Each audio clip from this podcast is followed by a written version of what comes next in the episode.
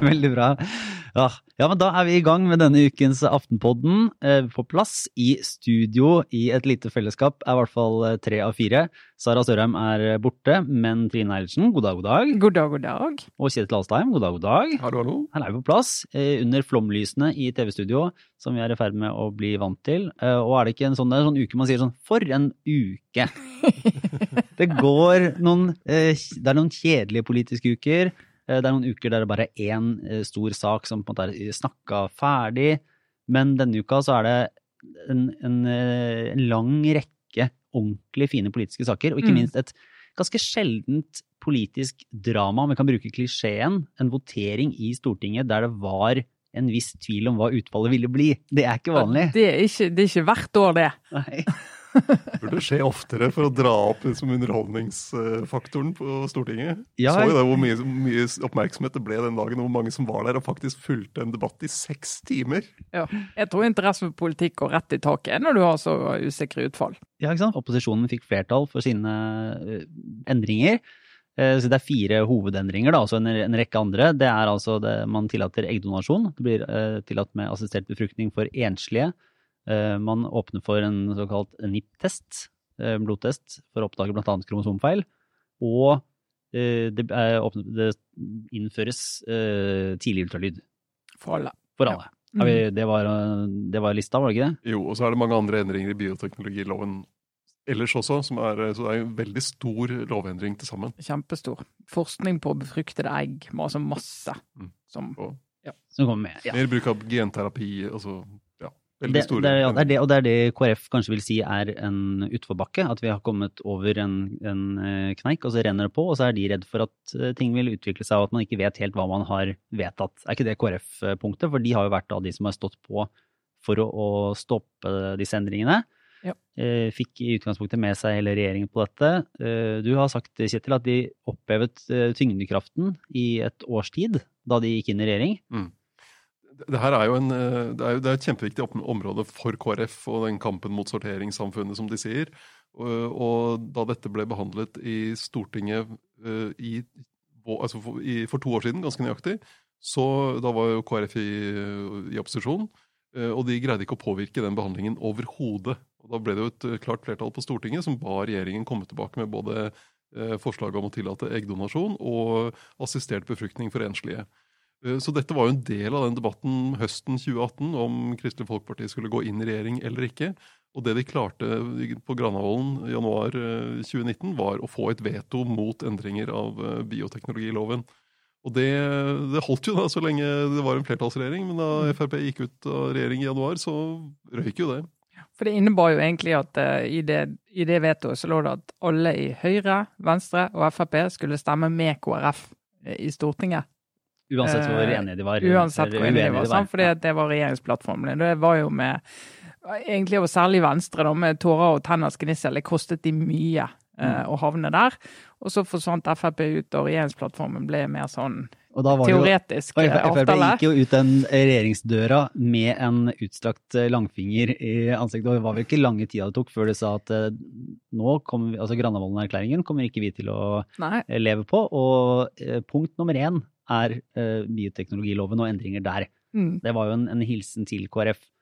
Så eh, KrF gjorde jo, vi kan jo bare først, det var jo litt sånn eh, prosessuelt der. Eh, KrF insisterte på å ha uh, full sal. Altså at Ja. alle 169 representantene skal være med og votere. Det er det jo ikke til vanlig. Da pleier det ofte å være en, altså en, et, eh, en jevn fordeling, sånn at det blir et representativt utvalg, og så finner altså, man enighet. Ja, og så har jo Stortinget kjørt sånn med halv sal nå pga. koronasituasjonen. Ja. Så det, det var jo eh, av smittevernhensyn har de jo kjørt halv, halv bemanning, for å si det sånn. Så har det jo vært eh, sant, hvis, de hadde vært, hvis det hadde vært helt forutsigbart hva alle partiene, at partiene ville ha f.eks. landsmøtevedtaket sitt med seg inn i den debatten, så hadde ikke det vært så viktig med fullt sal, for da kan du gjøre sånn som du gjør i alle saker og si OK, Frp så Frp mener dette om den saken, så derfor så trenger vi bare en andel representanter som speiler de andre. Men eh, i og med at her er det jo eh, KrF skulle jo spille på at eh, flere partier fristiller sine i sånne saker, og at de visste at de hadde folk som var enig med seg i, eh, i annet Frp, så ville de jo prøve å gjøre det beste ut av den muligheten. Og det gikk jo sånn passe. Ja. Jeg syns det var helt greit at de kom med det kravet. for det- var en reell usikkerhet om eh, hvor eh, flertallet ville ende. Og da, demokratisk sett, var det riktig å, å kalle inn hele Stortinget. Mm. Jeg tenker jo at det, det er jo det, er jo, et- ja, det var jo den eneste muligheten de hadde til å, til å faktisk kjempe og få snudd noe. Det så jo ut som det kunne bli noen Det var jo det var, usikkerhet. det var jo til usikkerhet. slutt, Ja, det var jo først og fremst fordi representanter fra Frp sa at de vurderte å stemme etter sin egen overbevisning da, og, og stemme sammen med regjeringen og, KrF. Ja, og det, Den største usikkerheten var på dette med assistert befruktning for, eh, for enslige. Men der, der var det jo Det endte jo med klart flertall der også. Det gjorde det. Men det, det som var Det ble jo pleksiglass eh, for å hindre smitte. Og jeg er jo skuffet over det. For jeg skulle så gjerne ønske meg et helt storting med munnbind.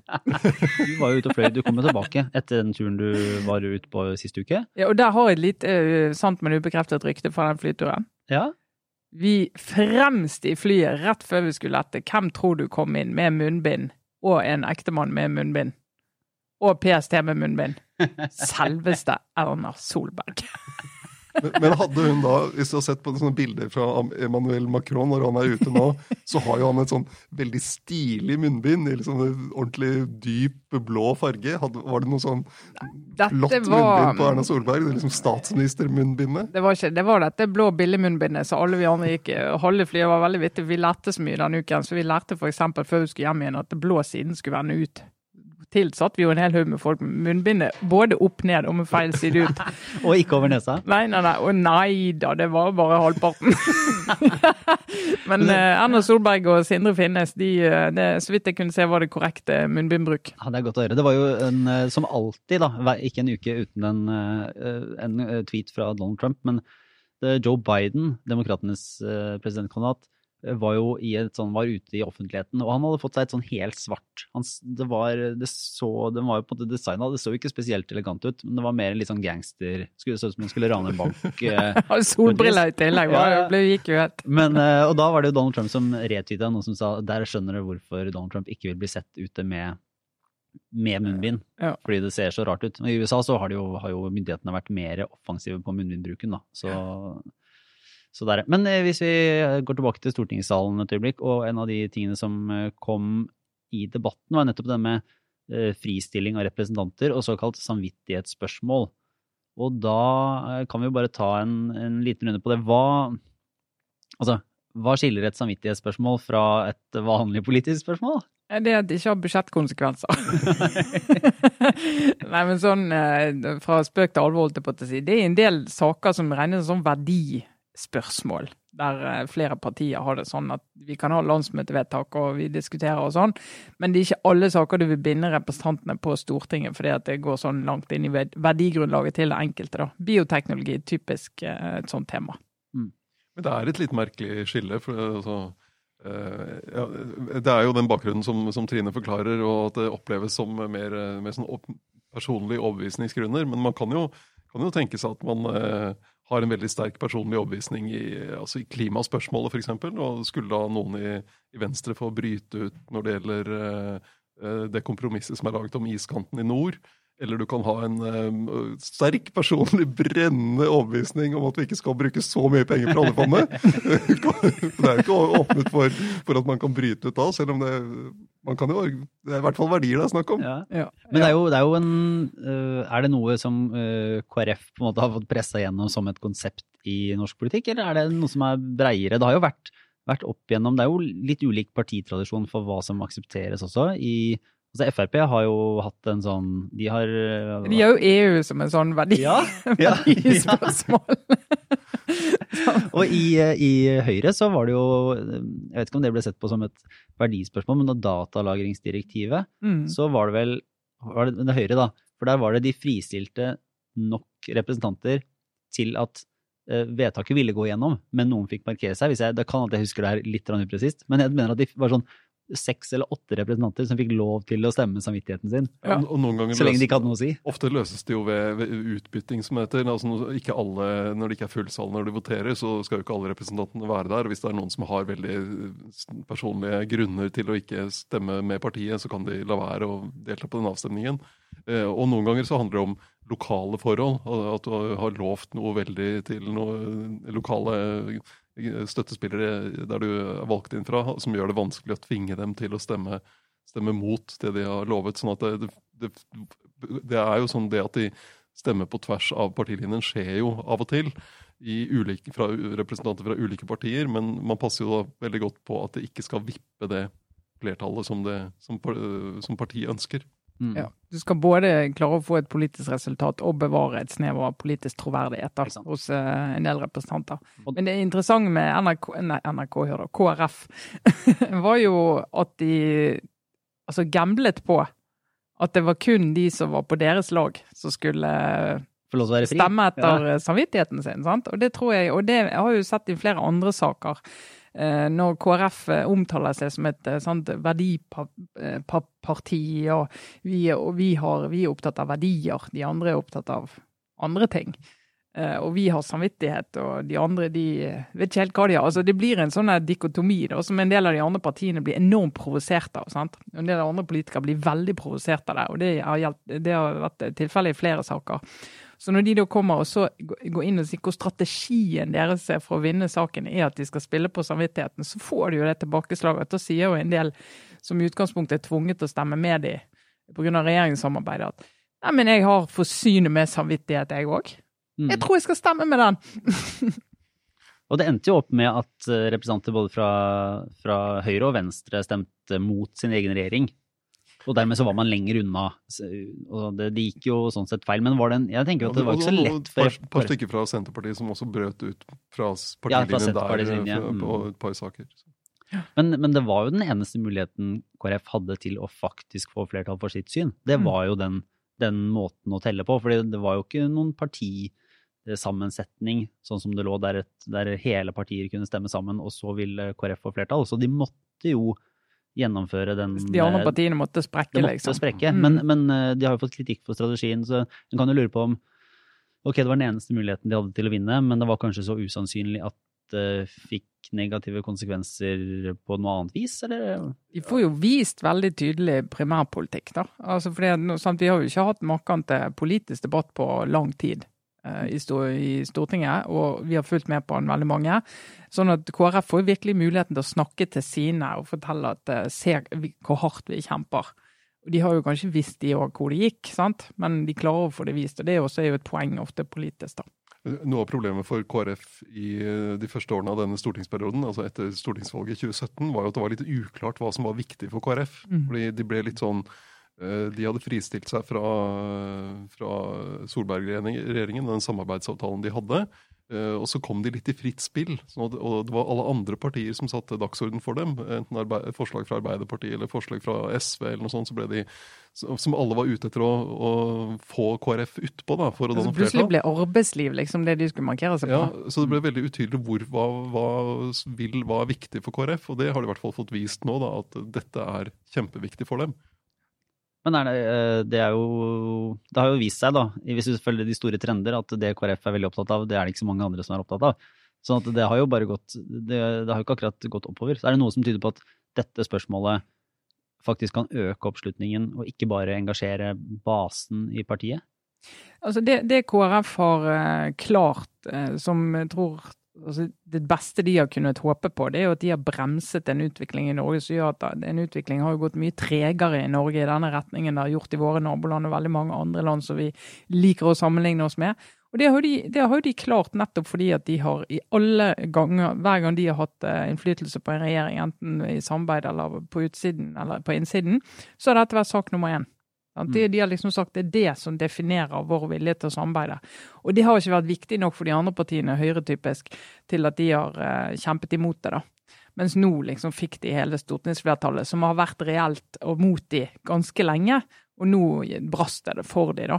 Men de har jo fått vist det. Og så er det jo mange andre sider. Denne utviklingen fortsetter jo. Det kommer nye problemstillinger. Og nå, altså detaljeringen av dette er jo ikke ferdig i det hele tatt. Det er jo lovarbeid som skal gjøres. Så du må liksom de har muligheten til å få, få løfte det temaet igjen. Og det er en av grunnene til at KrF fins.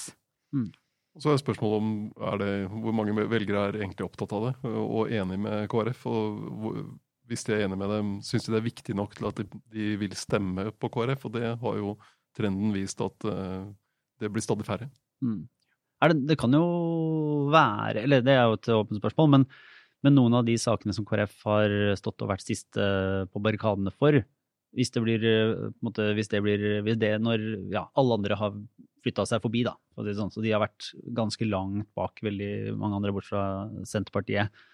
Men uh, at, at, det spørsmålet på det nulles ut litt politisk, nå som endringen faktisk skjer, sånn at de kan finne en ny arena å kjempe på, uh, der de kanskje flere er enige med dem? Eller er det altså, De hadde jo det problemet med, med abortsaken. Sant? De var jo imot eh, abortloven.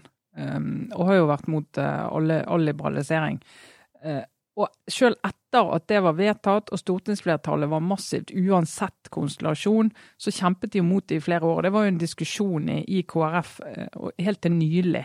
I hva grad skal vi fremdeles ha det som en viktig sak for oss å reversere den loven? Det kommer aldri til å skje. Det kommer mm. aldri til å bli flertall for det. Fins ikke en eh, Ikke engang en statsminister fra Høyre som vil gå med på det. Sånn at skal vi liksom bare hele tiden flagge det nederlaget, eller skal vi liksom sette det lenger ned på listen og si at vi er opptatt av det ufødte liv og verdiene av alle mennesker, og prøve å finne andre måter å diskutere de verdiene på? da. Og Da har jo bioteknologi vært et veldig sånn takknemlig område, fordi det har vært mange saker å diskutere. Mens nå har de jo en ny sak hvor de kan si at dette liker ikke vi, og vi er redd for surrogati. Det er jo ingen som vil ha i Norge. Men det går jo fint an å løfte det som en sak likevel. Hvis den politiske hovedfienden din blir Unge Venstre, ja. så, så, er et lite Du vet, du at det er litt marginale ja. debatter du skal inn i, da. Men eh, vi kan jo si, det var jo en annen sak som kom samme dag, og man kan jo spekulere om det var for å få et plaster på såret, eller for å begrave den litt. Eh, det ble jo klart at Norge skal ta imot uh, mindreårige fra denne flyktningleiren i altså Moria-leiren uh, i Hellas. Uh, Riktignok litt merkelig formulert. Uh, det var en liten skrift. ja. Så KrF har kommet med den, kanskje min favoritt sånn Facebook-annonsering uh, noensinne. Norge skal hente barn fra Hellas. Og med en lille, i liten skrift 'Så fort åtte til ti land gjør det sammen med oss' den fine, fine, detaljen der at det er et utropstegn til slutt. Ja. Som er sånn uh, Jaså? Uh, det blir en slags sånn hybrid mellom å gjøre noe unikt alene som land og markere, og å ha en såkalt samlet løsning. Sant? Ja, fordi hadde dette vært et annet parti, eh, så hadde de jo bare kjørt på 'vi skal hente barn' fra Hellas. Altså, eller, altså, hadde, ikke, de, hadde, de, vært Fremskrittspartiet, ja. så, hadde, hadde de vært, så hadde de ikke tatt med en disclaimeren til slutt. Nei, Og så hadde de, nå alle sa ja men, ja, men det er jo bare hvis åtte ti land ja, sa ja da, nå skal alltid du være så negativ. Ja. Dette er en stor seier for oss og et stort nederlag for de. Ja, ja, ikke sant. Og det er jo selvfølgelig det er jo en forutsetning. altså Det er jo, det er jo helt å forvente at åtte til ti land, det kommer selvfølgelig til å skje. Det, det, er jo en forventning om at det kommer til å være. Men i KrF så er de litt mer på den ene siden på den andre siden. Ærlig, vet du. Ja. Og så høres det også ut vi skal hente barn fra Hellas, er også litt sånn innforstått. For det er sånn hæ? Greske barn? barn? er dette Men eh, hvis, eh, hvis, man skulle se på, på selve beslutningen, da. Eh, så kan det jo kan regnes enten som en altså, seier for KrF, fordi man, de har jo kjempa for å, å, få mindreårige fra Moria-leiren. Og det har vært en, en folkelig bevegelse for å få for å få gjennomført dette. Eh, Høyre har jo tidligere sagt at eh, vi vil bare gjøre det som en del av en større europeisk enighet. Eh, der det har på en måte vært forstått nærmest som et sånn hele EU, eller i hvert fall et enda bredere støtte. Og det har vært litt sånn vanskelig å finne ut hva andre partier vil. Og, og, og nå får de jo faktisk da så gitt at man vinner åtte til ti andre land, så får de jo hentet ut noen barn som man kan gi kvoteflyktningstatus i Norge. Mm. Eh, men på den annen side så er det ikke noe egentlig tidsangivelse. Det er ikke noe spesifisert hvor mange det er. Ikke sagt noe helt om hvem de er. Og man trenger jo da minst, minst åtte land eh, totalt for å kunne sette i gang prosessen her i Norge, da. Mm. Så er det, en, ja, er det en jubeldag eller en ja, det, er sånn, det er riktig. Det er blitt en enighet om at Norge skal hente barn fra Hellas. De, de flyktningleirene i Hellas, da, må vi anta. Eh, men vi vet ikke om, vet, altså om det faktisk vil skje, pga. betingelsen med de andre europeiske landene. Vi vet ikke når, og, eller vi vet ikke hvor mange. Sånn at det er, eh, det er jo litt vanskelig å bedømme hvor stor seier dette er for Venstre og Kristelig Folkeparti før det faktisk eventuelt skjer. Eh, og så er det jo øh, åpenbart at Høyre har flyttet seg her. Fordi, nettopp fordi de argumenterte for en sånn bred europeisk løsning som kunne tolkes, øh, akkurat som du sier, om at du skulle hatt med også Ungarn og Polen, som vi vet du aldri får med på noe sånt. Så de, de har jo flyttet seg. Men den, og det har nok vært en frykt for, for Fremskrittspartiet, altså fra Høyres side. Men det Høyre har fått inn her, er at dette skal skje innenfor den rammen regjeringen har på å ta imot eh, inntil 3000 kvoteflyktninger i året. Sånn at hvis Norge skal hente noen barn fra disse leirene i Hellas, så skal det bli færre eh, kvoteflyktninger definert av FN. Altså mennesker som FN sier at disse har beskyttelsesbehov. Sånn at det, det skjer innenfor den rammen som Fremskrittspartiet, så lenge de satt i regjering, var med på. Ja, Så de kan ikke kjefte øremerkede plasser, egentlig. Ja, det er, det er ikke mer, det er ikke flere. Men ikke altså, å si litt av poenget med Moria, at det haster. Det er masse folk, de, det er trangt, de er syke. Det, hvis du først skal gjøre det, så er det nå det har effekt. Det haster jo, det haster jo overalt. Altså Hvis du går inn på FNs eh, høykommissær for flyktninger, eh, altså hjemmesiden deres, så ber de jo om hjelp i Vest- og Sentral-Afrika, Jemen. Eh, det er flyktningleirer eh, i, i Asia der det trengs akutt hjelp. sånn at det er, nok å ta av. Og, så kommer inn den, den ekstra dimensjonen som kommer inn når det gjelder diskusjoner rundt Moria og de andre greske leirene, er jo at det, dette er Norge egentlig har et medansvar for gjennom at vi har en felles flyktning- og asylpolitikk med, med EU gjennom mm. Schengen-systemet. Mm. Så det er et, et reelt argument for å bidra, da, hvis, men, men en perm- det, dette er jo ikke en løsning som, som, eh, som vil bidra til en, en, eh, en, en reell løsning der dette ikke betyr at du får nye mennesker som kommer til de samme. Litt bare avslutningsvis på, på dette, så jeg lurer på, nå som eh, Erna Solberg da, som statsminister og eh, måtte gi tapt for opposisjonen i Stortinget, har jenka seg litt for å få det her, for å få KrF eh, å komme KrF i møte her. Eh, Hvor svekka er hun av et sånt nederlag i Stortinget, og hvor mye vanskeligere blir prosessen med statsbudsjett og forholdet mellom KrF og Frp framover mot høsten, basert på en sånn runde som dette? Eh, På, Da tenker jeg først og fremst på bioteknologi, da. Ja, det, det var jo altså, Ropstad hadde jo en litt uheldig uttalelse på kvelden etter nederlaget om at det som ble tolket som om de nærmest skulle sabotere Stortingets vedtak. Det kan, det kan du jo ikke si som statsråd. Eh, Men, eh, men det er ikke helt lett å se hvor, de, altså hvor KrF skal ta hevn, da, i anførselstegn. Men du kan jo tenke deg, nå skal de forhandle i Stortinget om eh, forvaltningsplanen, altså iskanten, hvor langt nord man skal få drive eh, oljeaktivitet. Eh, Og der har jo regjeringen sagt at de går først til Fremskrittspartiet for å forhandle om sånne saker. Og så er jo spørsmålet om tålmodigheten eh, hos KrF vil være eh, lavere med Frp nå. Og at de dermed lettere ville si at nei, nå snur vi oss og prøver med Arbeiderpartiet. Ja, fordi eh, altså, Geir Bekkevold, som var, i, var vel i Dagsnytt 18, hvis ikke jeg husker feil, og snakket om at ja, nettopp den der, det er ikke, Vi kan finne flertall, vi med andre partier og, og den biten, men der, det er vel ikke på linje med Erna Solberg. Erna Solberg er ganske tydelig på at hun eh, ser for seg et eh, altså Statsbudsjettet må, må de finne sammen med Frp på. Ja, absolutt. Og det blir jo spennende, for det var jo noe av det som da etter hvert som Ropstad måtte gå oppklaringsrunde etter den eh, kommentaren om at han kanskje ikke ville jogge av gårde og få gjennomført alt dette her første uken. Eh, så var jo egentlig, altså Poenget hans er jo at en del av dette har jo budsjettkonsekvenser. da, sant? Altså i NIPT-test og tidlig ultralyd eh, for alle, eller i hvert fall tidlig ultralyd for alle. Eh, og en del sånn praktiske konsekvenser som gjør at det liksom Hvis du skal ta det inn i budsjettet, så er det en del av en prioritering, da. Eh, og den må jo da Frp delta i, i den diskusjonen. De har jo ønsket dette, så de må jo regne med at de prioriterer det i sitt budsjett, i sitt alternative budsjett. Eh, men eh, hvordan klimaet blir når de skal lande og bli enige om eh, hva som da skal vike, det Akkurat det statsbudsjettet her, det blir forresten Det blir ganske spennende. det blir ganske spennende, for det, sånn, vi snakket jo hele fjor om at nå for fjoråret før ti år før det òg, at nå går det vi mot tider med litt strammere rammer. Og så har jo rammene forsvunnet nå. Ja. Det er jo ingen rammer, det er jo bare, det er jo bare fri flyt. Mens du kan jo ikke budsjettere med det, sant? så det blir jo ja, spennende. Eh, Vi går videre til en eh, liten runde på det man kaller sånn personalnytt. Eh, Sveinung Rotevatn har da annonsert via en sånn video på Facebook at han eh, nå offisielt stiller som lederkandidat til Venstre. Mm. Så da er det jo spennende å se om, eh, om eh, de andre 300 kandidatene i Venstre eh, følger opp og sier det samme, eller hvordan den dynamikken utspiller seg. Det, det er jo en fordel å kanskje være først i dette her. Ja, og så er det jo, eh, som en uh, sa, at uh, ja, det viser i hvert fall hvem av statsrådene som har det minst travelt for tiden. For de tre andre Venstre-statsrådene som jo har blitt nevnt, Guri Melby og Iselin Nybø og Abid Raja, uh, de har jo nok å holde fingrene i, kan du si.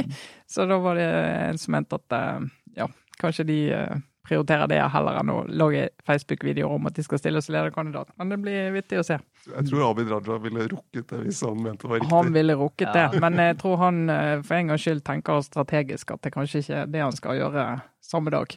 Men, men eh, det er jo det er veldig vanskelig å spå hva som kommer til å skje i Venstre, egentlig. da. Men er det, tror vi at det blir en faktisk lederkamp, eller kan det være litt sånn som det så ut i, i da Trine Skei Grande bestemte seg for å fortsette, så var det jo, da, var det jo spørsmål ok, skal Rotevatn eller Raja eh, eller noen andre for den saks skyld faktisk utfordre henne, men, men det var det ingen som ville. Eh, Så kan, har det vært ulike nyhetssaker om, om hva som har foregått i, i kulissene der, men det var i hvert fall eh, sagt også på forhånd av det støttespillet at en sånn faktisk lederkamp var ikke noe man ville ha opp liksom, eh, mot Trine Skei Grande. Nei. Det ser jo ganske annerledes ut når det er et åpent felt. Samtidig så er det jo kaotisk. Er det, det er et sånn, eh, det- dere, dere ser litt sånn eh, spørrende ut, Det eh, ser litt spørrende ut, og så tenker vi, så tenner vi et lys for han eh, godeste leder av valgkomiteen, herr Torbjørnsen. Det pleier, jo, det pleier jo å lekke bra fra det partiet, men det har egentlig vært litt stille nå om hva som skjer uh, i, i partiet, så det er litt, litt vanskelig å vurdere. Og så eh, har eh, Guri Melby f.eks. blitt en reell kandidat gjennom eh, hvordan hun har håndtert den eh, veldig utfordrende situasjonen hun har vært i egentlig som eh, kunnskapsminister. Kom jo inn dagen etter eh, lockdown.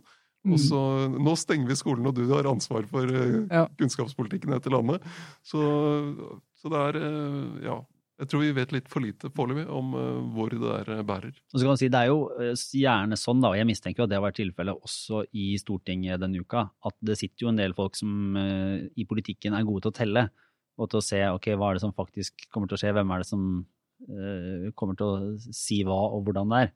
Hva skal jeg si, Det ville jo vært uh, dristig. Det er jo noen som gjør det, kaster seg ut i en lederkamp uten å ha ganske god forankring. Men hvis man stiller seg opp, fortsatt er ung og har mye å, å jobbe for, så, så må vi håpe for Sveinung Rotevatns del, da.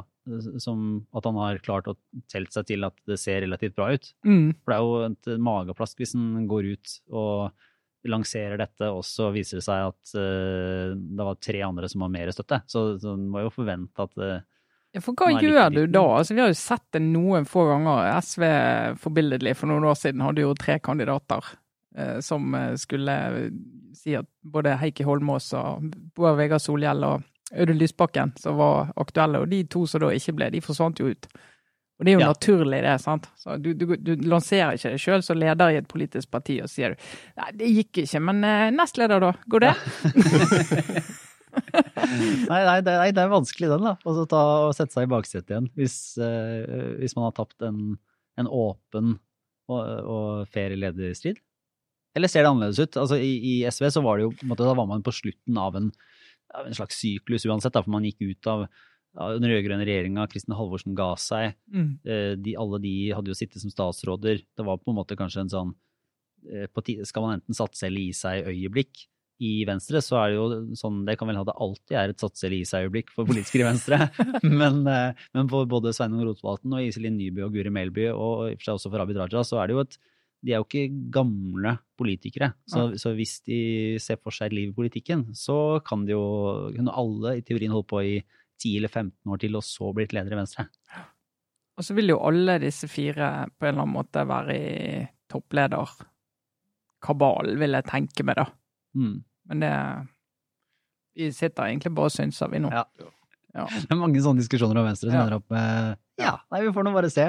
En, en som eh, fikk nok denne uka, var jo Jeg vet ikke om vi skal si at vi spådde det, men Torbjørn Røe Isaksen. Om han sto på plassen utafor statsministerens kontor eller regjeringskvartalet hvor de nå spilte inn den dansevideoen og svingte litt på hoften og tenkte at dette gidder jeg ikke mer.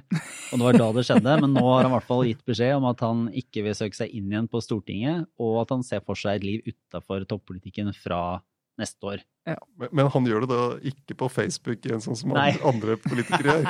Han gjør det i et intervju i det konservative tidsskriftet Minerva.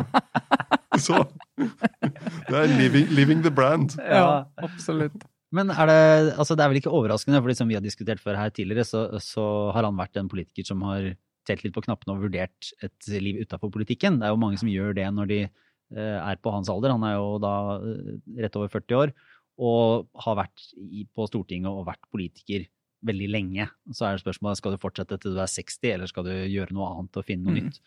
Uh, Men han har jo vært en som har vært vurdert som en potensiell kandidat etter Erna Solberg som leder i Høyre, og det er vel ikke så lett å se for seg at skjer i løpet av neste stortingsperiode, Nei. eh, sånn som det er. Du må sitte på Stortinget Du kan å ikke være partileder uten å sitte på Stortinget sånn i utgangspunktet, hvis, det finnes, hvis du har plasser på Stortinget, da.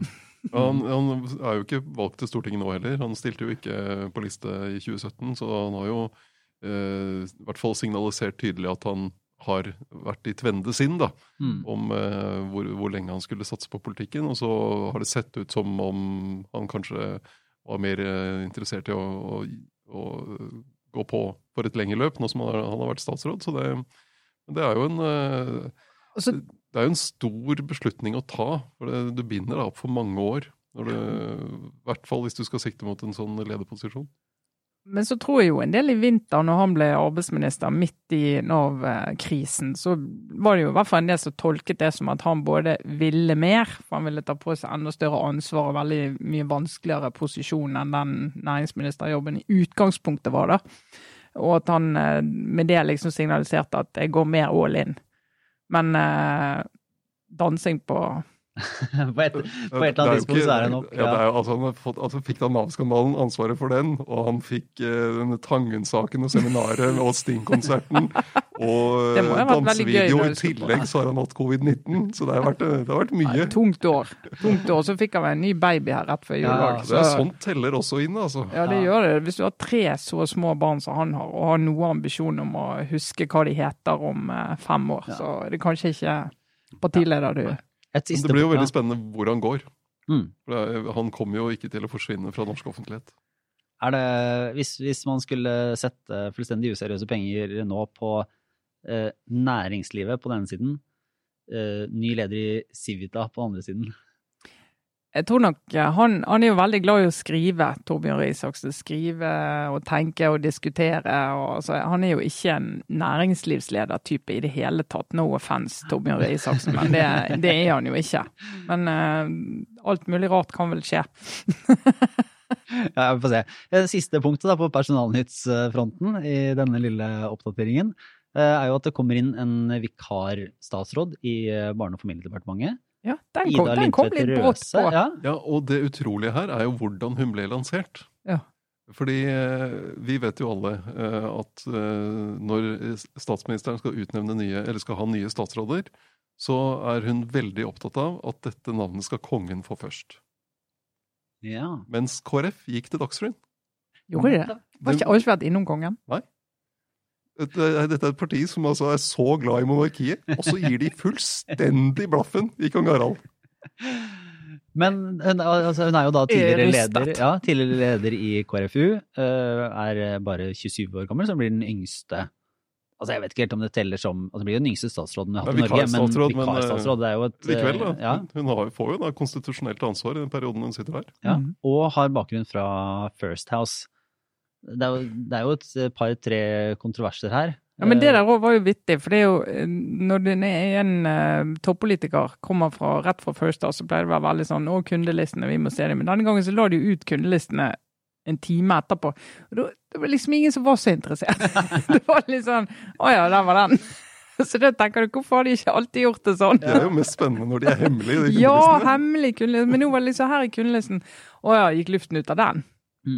Jeg så det var eh, ble plukka opp en, eh, en viss eh, debatt eller noen som påpekte at det kanskje var et litt uvanlig valg å velge noen såpass unge og ferske til en vikarperiode nå. Altså at man heller burde valgt noen som var en mer sånn politisk eh, slugger, da, som kunne komme inn og, og visste hvordan hun styrte et departement, faktisk skal styre krisepenger og diverse ordninger og alt mulig rart, gå rett inn og være klare, og at eh, sånn sett at eh, alder og manglende erfaring var et problem? Er, vi, er det noen tydelige meninger på dette her? Det tror jeg de andre gangene når de har hatt sånne unge vikarstatsråder, eller de har vært fungerende eller hatt doblet, så har det alltid vært en kritikk at de har for liten erfaring, de som gjør det. Men vi skal huske på at du har et embetsverk som er liksom utrolig rigget for å håndtere statsråder som kan ingenting. Mm. Men det er ikke at hun kan ingenting, for hun er kompetent og hun får gode skussmål, altså. Men du skal ha et rigg rundt deg når du har en politisk plattform å styre på, som gjør at det i hvert fall ikke går helt over styr. Eh, og og så tenker jeg Fra, fra Ropstads side så er det jo et interessant eh, det at han viser at han, han vil satse på å løfte fram en ung, eh, flink dame i partiet og gi henne den erfaringen. Det er jo en investering for fremtiden i, i profiler for, eh, for KrF. Men bittert for eh, Grøvan, selvfølgelig. Nei, men det, men det er jo, det skal jo sies at de fleste som har kommet inn på den måten, er jo det er, jo de fleste, det er jo ganske sjeldent, egentlig. Både at folk kommer inn såpass unge, og at de kommer inn i mer sånn vikariater. Altså Henrik Asheim var jo inne som, eh, som statsråd en periode. Og, eh, og det er vel egentlig den største sånn unge vikarhistorien. Mm. Foreløpig så ser det ikke ut til å ha vært noe krise. Kommet inn på fulltid nå. Mm. Uh, og blant de yngre så er jo Hadia Tajik den forrige yngste. Og hun kan vi si så har, måtte, har ikke dumma seg fullstendig ut i politikken siden den gang. Så det, det, er jo en det er jo en ganske streng kvalitetssjekk, og man har, finner jo flinke folk, da. Ja, Og det finnes jo godt voksne statsråder som ikke får det helt til òg. det finnes noen eksempler på det. Det finnes, det finnes noen som har hatt mer eller mindre sånne korte vikaropphold. Som ikke være egentlig var vikarer, Ja. men som likevel hadde et veldig kort opphold. Det er riktig. Ja, ja. Eh, Nei, men vi er vel kanskje videre inn i en liten runde med obligatorisk refleksjon. Jeg vet ikke om du vil begynne, Kjetil? Ehm, ja, nei, det, jeg var litt usikker. Jeg har jo snakket mye om den svart-hvite eh, fluesnapperen. eh, som er, nå, er, nå vet jeg ikke hvordan det går, da, siden jeg ikke er på hytta, men, men jeg har googla mye om svart-hvit fluesnapper, og det er utrolig mye spennende å finne. Jeg tenkte jeg bare skulle ta én av disse tingene i dag, og det er om noe som skjedde i Norsk ornitologisk forening på 70-tallet. Altså, Altså, jeg har lurt litt på din inntreden i eh, denne podkasten, men her føler jeg at nå leverer du midt i kjernen. Det her er så smalt at dette kan vi, dette kan vi fortsette med. Dette, dette, det var eh, altså 70-tallet med likestillingskampen på i full fart oppover. Og når, du, når vi sier svart-hvit fluesnapper, så er jo det bare en beskrivelse av hannen. Fordi hunden er jo ikke svart-hvit, hun er jo mer eh, brun. Så da var det et forslag fra navnekomiteen i Norsk ornitologisk forening om at man skulle bytte navn på svart-hvit eh, fluesnapper til eh, jeg tror det var hagefluesnapper. Ah, det var ikke svart-hvitt-brun. Nei, det var hagefluesnapper. Men det ble, det ble ikke vel mottatt, så det ble aldri noe av. Så det, det er på en måte Svart-hvitt fluesnapper er på en måte eh, fugleverdens svar på Fylkesmannen. Ja. Ja, Det er sånn tittel du det er helt- sliter med å endre. patriarkatets eh, harde hånd. ja. Nettopp. Ja, men det var bra. Da tar du eh, fluesnapperansvar, tar jeg minkansvar. Jeg bare nevner at det, det er nå registrert at mink har smittet med korona. Oi. Ja, så jeg bare sier det er minken, altså. så er jeg på jakt etter minken. Det er ingen, ingen uh, tvil om. Kan jeg komme med en liten anbefaling? For, eh, Absolutt, Ja, absolutt. eh, eller jeg har jo, jeg vet jo ikke, jeg kan vel egentlig ikke anbefale, for jeg har ikke sett den ennå. Men jeg gleder meg i hvert fall til å se, eller jeg skal se den eh, serien som ble lagt ut nå på Netflix om Jeffrey Epstein. Ja. Overgrepsdømte Ja. milliardæren. eh, Den heter Uanstendig rik. Om hvordan han brukte penger og makt både til Altså først å få gjort de overgrepene som han hadde ansvar for, og så eh, Nå har jeg ikke fått se se- serien, som jeg håper de også beskriver det, men hvordan han etter at han hadde vært eh, i fengsel en periode, brukte den samme innflytelsen, nettverket og pengene for å få tilbake en posisjon i samfunnet. Eh, og Jeg har bare lest en anmeldelse i Financial Times i dag som ga den veldig god kritikk, så den skal jeg i hvert fall se. Ja, det skal jeg jo i hvert fall. Det, det er- er veldig interessant. Og Der kan man jo gå tilbake hvis man ikke rakk å lese det. Det var Din forrige avis, Dagens Næringsliv, hadde jo flere godsaker om hvordan han knytta seg opp og forsøkte å knytte seg opp til også norske Ja. ledere og, og personligheter for å måtte, ja, ha det, det nettverket, da. Der, og der er jo, ja, DN skrev jo mye annet om Terje Rød Larsen, som leser, leder denne tenketanken i, i New York som heter International Peace Institute. Og det jeg fremdeles syns er helt utrolig, er at Terje Rød Larsen altså fortsatt nekter å la seg intervjue om den saken. Ja, Apropos statsråder som ikke Som ikke satt så lenge. Ja. Han var vel Ja, rekordkort. Han satt superkort, eh, Jagland-regjeringen. Mm. Ja, nei, først eh, Lars, så må jeg få lov å skryte av en anbefaling du ga for noen uker siden, som jeg nå har stupt inn i, nemlig Win- Winds of Change. Men det var, det var Kjetil sin anbefaling. Med, var din- med tips fra en trofast Eh, Aftenpodden-lytter. Nettopp. Ja, da, takk, eh, Kjetil, for at du løftet den. Nå har jeg gått inn i den. og eh, Jeg skal ikke avsløre så mye, men i hvert fall i den episoden som jeg hørte på vei til jobb i dag, det handlet altså om en eh, rockekonsert i Moskva i 1989.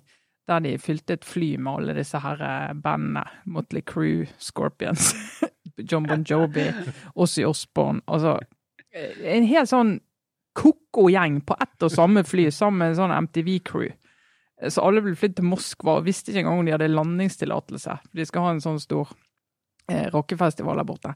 Men altså, å høre om den eh, konserten og alt rundt dette, i det hele tatt hele den podkasten, er så kostelig. Jeg lo, jeg lo, satt på sykkel og lo på jobb i dag, for det var så gøy. Da kan jeg bare kaste inn en, en bokanbefaling. Som, det er ikke ny i det hele tatt, men det fins en, eh, en sånn, eh, hva skal jeg si, en rockebiografi av Motley Crew, et band jeg aldri har hatt noe forhold til. Nei.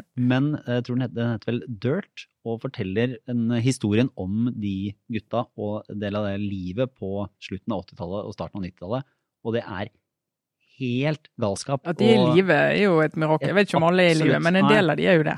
Og det er også noen uh, møter med Ossie Osborne i glansdagene, om man kan kalle det det, som er uh, helt sjukt. Det en, det er en beskrivelse av en scene der Ossie Osbourne uh, sniffer, som om han skulle sniffet narkotika, en, eh, en eh, linje en sånn med maur som går bortover en eh, Men det som er så gøy med den konserten i, i Moskva i 89, det er jo at sloganen for en eh, sånn veldedighetskonsert for, for, eh, mot rus. Med det klabbelaget på seg. Ja, nei, den må, så den må jeg bare forsterke den anbefalingen. Og så har jeg jo sett eh, det har kanskje en del andre også, men den Unorthodox på Netflix om dette hasidiske jødiske miljøet i Brooklyn i New York, og hun som eh, bryter ut av det miljøet. Det er en nydelig, fin liten serie, og noe av det mest fascinerende er jo at disse her eh, snakker jiddisch. Eh, som de jo gjør i det miljøet. Eh, som er altså dette lille jødiske samfunnet som etter at de kom ut fra de som overlevde fra holocaust, det er jo folk som overlevde fra holocaust som har bygget dette miljøet, og har en overbevisning om at dette kan aldri skje med oss igjen, og måten vi skal beskytte oss mot det på, det er jo at vi må bare skjerme vårt eget miljø. Eh, vi må holde oss med hverandre, vi må dyrke vår egen kultur, våre egne tradisjoner. Vi, vi kan ikke åpne for påvirkning og endring og liksom interagere med storsamfunnet på en måte som kan sette oss i fare igjen. Noe som gjør at det selvfølgelig blir et ganske kvelende miljø for uh, en del mennesker. og denne, Det er masse historier fra USA som har brutt ut av det, men dette handler om hun her som drar til Berlin. da. Veldig fin Også serie. fascinerende, fordi altså, det er det i New York, er det det miljøet der? I New York Så de bor jo på ja. midt i Og i Brooklyn. eh, metropolen og verdenssamfunnet, men, Ja. eh, men lukka. Og ja. gå med de klærne og Det er veldig rart også når du går, eh, går da fra Williamsburg i Brooklyn, og så er alle hipsterne her, og så er det et kvartal eller noe sånt, så er du midt i det der ortodokse 150 år tilbake, liksom. Og, eh, veldig pussig greie. Jeg, jeg, kan jo, jeg skal ta et oppgjør med det jeg mener kan være eh, en av de store store negative konsekvensene med koronaviruset. Og Kanskje krisen. den verste. Kanskje den verste. eh, eh, altså ikke, ikke, kanskje ikke tolk han for bokstavelig, men det meste annet minsker eh, det jeg har sett som er en potensiell kulturell endring som kan vare lenge. Fordi nå er det jo sånn da, i, i nedstengningen av Norge, at blant annet disse altså treningssentre har vært stengt. Og det har jo vært helt nede. Og så det er en sånn eh, samfunnsmessig faktor. Og det andre er jo at i hvert fall i Oslo så har man i de siste åra særlig bygd opp sånne utendørs treningssentre eller treningsapparater rundt omkring som står i en park her og en park der. Og nå har de tingene møttes, så nå ser jeg at nå er det jo overfylt av, sånn, av folk som trener ute på de tinga hele tida. Eh, Det eh, får jo på en måte være greit. Eh, Det, skal, altså det er bra folk holder seg Så liberal er du? så liberal er jeg. Det, det, er, det er positivt. Altså, folk kan være aktive, og det er jo bra at de faktisk brukes, for ofte så har de jo stått der helt stille. Men nå har jeg merka at det begynner å gå for langt. For nå har jeg sett at det har blitt sånne samlingssteder for dere biffene som vanligvis går på treningssenter. Eh, går rundt, og de, de må ha på seg minst en sånn liten singlet. Og greit nok at de går rundt og kysser seg på bicepsen foran speilet på treningssenter. Borte nå er de ute og har funnet seg så sinnssykt til rette. Ute i offentligheten? Ute i offentligheten. I bar overkropp, Ja. Er det sant? Ja, så nå er det sånne folk som eh, står og på vil vise seg fram. Og de for dem har det åpna seg en helt ny verden. For tidligere så har de jo bare stått inne foran, ja, foran speilet i sånn eh, hvitt lys eh, på sats og holdt på. Men nå har de da dominert og tatt over disse tingene og står som sånne eh, klumpete gjenger og, og flekser og ser på hverandre mens de gjør sånne øvelser. Og jeg frykter at dette er Altså, nå er ketsjupflaska åpen. Altså, den Du er, mener de vil prege Ja, byestetikken? jeg mener at Ja. nå Dette er jeg ikke sikker på om vi kan få snudd. Jeg tror, jeg tror kanskje at de har funnet at dette her er en mulighet til å stå ute og holde på sånn Ja, hele, men- hele Jeg året. tror i hvert fall det kommer til å gi seg litt i oktober. Ja, jeg òg ser for meg sånn oktober, to grader og sludd. Er, de der da? Hvis de er der da, så har de fortjent det. Ja, altså, jeg kan Jeg skal ikke være for vrang, så jeg kan jo si at hvis eh, fra, fra 15. oktober til, eh, tre, altså, til, si, eh, til 1. mars, så kan de få lov til å holde på her ute. Bare ta det parallelt med bålforbudet. Ja. ja. Når det er lov å ha bål i marka, så er det lov å flekse i parken. ja. Men bortsett fra det, det jeg er redd for er at de, eh, ja, at, at nå, de kommer aldri til å dra inn igjen på treningssenteret. Og de kommer til å, de kommer til å bli en kultur som er en Muscle Beach eh, på, Ja, som i California. ja. Som- kommer, ja, det er, men det er jo, altså, treningssentrene skal vel få lov til å åpne en eller annen gang ut i juni. 15. juni. Ja. Og så kommer folk til å Tenk alle de treningsvannene som nå er lagt i ruin. Ja, ja, ja. Det er jo, jeg har jo vært ned på en av et av de stedene Lars, og eh, trent, det kan jeg bare si. Men det er ikke så veldig mye fleksing. Og òg kan jeg forsikre alle veldig lite bar overkropp. Veldig lite. Ja, Nei, det er egentlig Det er, det er, det er et uh, det, det kan jo hende at eh, folk skal få lov til å trene ute, det skal de. Og det er, det er jo Det er veldig fint at fint, veldig fint er i gang. Jeg frykter Ja. kanskje at det, og, at det blir for mye sånn uh, sprekinger som viser seg fram. At det er, at det er for få eh, andre som Triks føler, er- seg, føler seg velkomne. Trikset er å komme veldig tidlig om morgenen, da er det nesten ingen der. For altså, hvis den gjengen skal dominere, så skremmer de jo vekk eh, sånne som meg. Vi får, eh, vi får nå se. Nei, men da er i hvert fall det sagt ifra om, og så får det være greit. Ja. Jeg tror vel det var, eh, var dagens og ukas Aftenpodden, og vel så det. Så god pinsehelg, alle sammen. Eh, Det er fridag neste uke, og endelig en firedagersuke igjen. Inneklemt uke igjen neste uke. Ja, femdagersuke. fem dagers uke. Jeg får helt sjokk. Jepp. Nei, men det, det er nydelig. Det var Aftenposten for denne uken. Ha det bra.